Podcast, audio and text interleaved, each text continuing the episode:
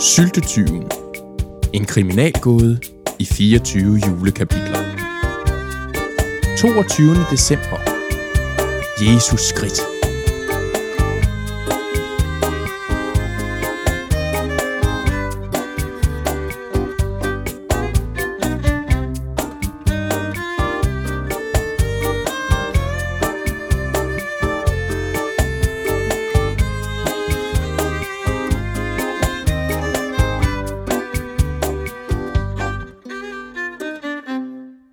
Det er den 22. december. Tid for barneleg, tid for flæskesteg, og ikke mindst tid for en god fortælling.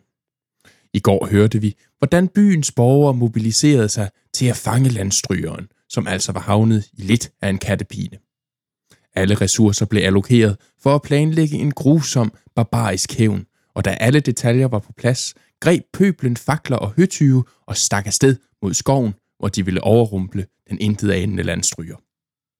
Vores unge ven hørte imidlertid deres vrede stemmer og stak af ind i buskaget, hvor de ikke kunne nå ham. Borgmesteren, forsamlingens måske mest blodtørstige mand, truede med at futte hele krattet af, men bageren, der havde mange glade ungdomsminder fra skoven, satte sig på tværs. Landstrygeren benyttede distraktionen til at slippe ud af buskaget igen og løbe ned til kirken, hvor han søgte ly hos sin ven, pastoren, som velvilligt gav ham asyl.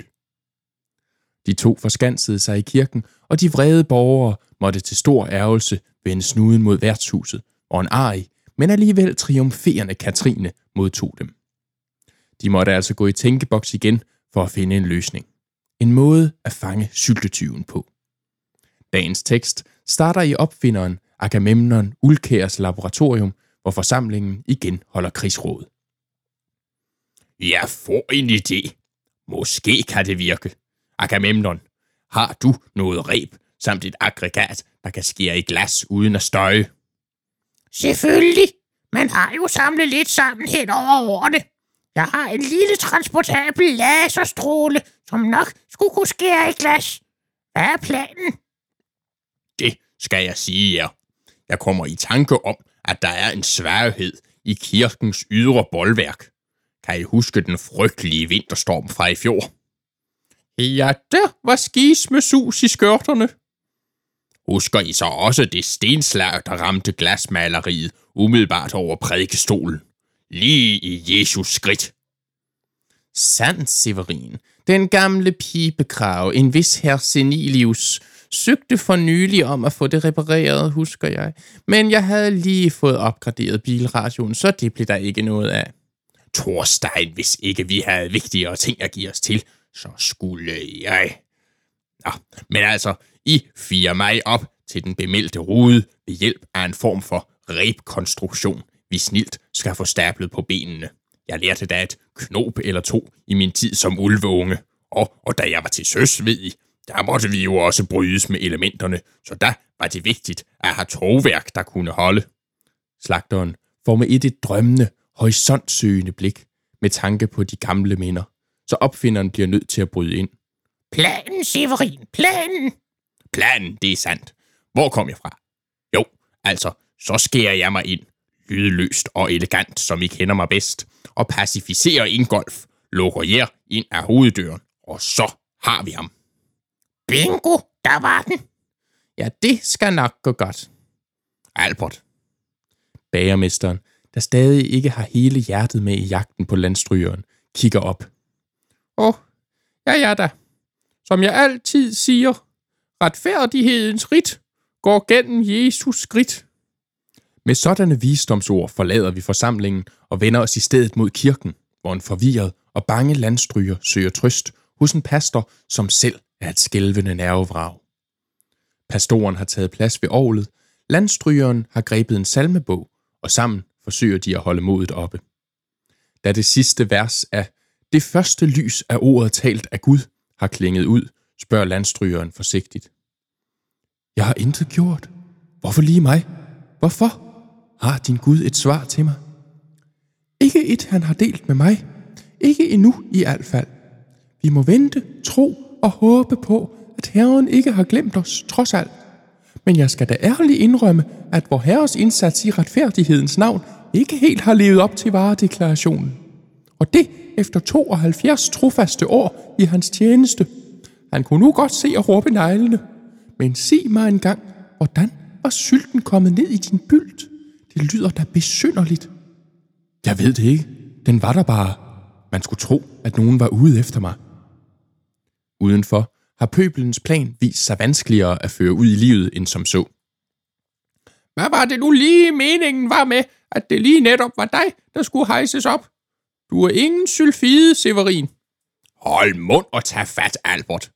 Har nogen af jer måske et klatremærke fra jeres tid som ulveunger, var? 10 cm mere, så er vi der. Med en umådelig kraftanstrengelse lykkes det at få slagtermesteren bukseret op, så han kan skære hul i glasmaleriet. Succes! Af Jesus skridt vil jeg nu fire mig ind. De har intet opdaget. De sidder bare ved ovlet og sluder. Jeg går ind. Jeg er klar ved våbenhuset, tabre svende. Slagteren lander tungt på kirkegulvet, så de giver genlyd i hele kirken. Ja, selv klokken ringer med, som kaldte den til søndagsandagt. Nej, Severin, hvad I?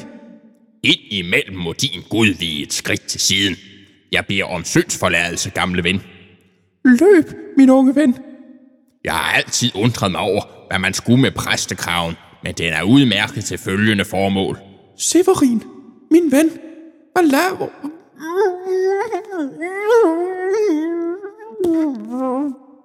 Slagteren har pacificeret pastoren ved at trække præstekraven op om ørerne på ham, og bryder nu barrikaden foran hoveddøren, så pøblen stormer ind, væbnet til tænderne med fakler og høtyve.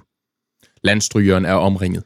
Opfinderen, borgmesteren og bageren blokerer våbenhuset, og slagterens anselige bredde gør en flugt gennem hullet i ruden umulig.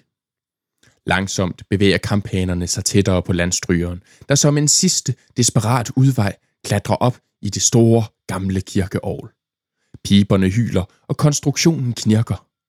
I en vanvittig blodrus farer borgmesteren frem og fuldbyrder det projekt, han ikke fik lov at fuldende i går. Han stikker ild på ovlet. Thorstein, nej! Er du blevet vanvittig? Ah! Åh, fri mig for jeres blødsødenhed. Pastoren, der stadig kæmper med præstekraven, forstår, hvad der er sket og bryder grædende sammen. Landstrygeren har ikke noget valg. Han må springe i armene på de, der jager ham som et bytte.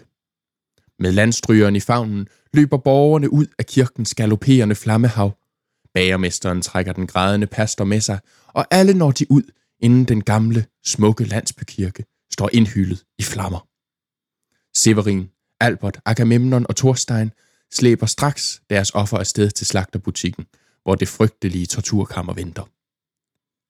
De binder ham nalfast til stråbukken og vandrer en hoverende sejrsgang mod værtshuset. Torturen må vente, for et konventionsbrud er jo ikke et andet værd, og man kan jo ikke sådan gå glip af den årlige traditionsrige 22. december skænk. I morgen mødes vi klokken 10 i slagterbutikken og får viklet en tilståelse ud af ham. Han må betale for den forfærdelige forbrydelse, han har begået. Ja, syltetyverier går ikke sådan ustraffet hen i min by. Jeg vemmes over jer. Skiderikker. Jamen, Katrine, det er jo syltetyven. Hvad giver du mig? At I vil være jer ved det. Fy for pokker. Sidste omgang. Jamen, jamen, jamen, sidste omgang, søde Katrine. Klokken er ikke engang syv. Er du blevet vanvittig? Ja, nu synes jeg nok lige. Der blev sagt sidste omgang. Man må sørme lide for retfærdigheden. Ja, vis nu lidt julehumør. Drik ud og forsvind så, og må alt jeres djævelskab gå op i flammer. Natten sænker sig, og alt under fred og ro, som det sig hør og bør i december måned.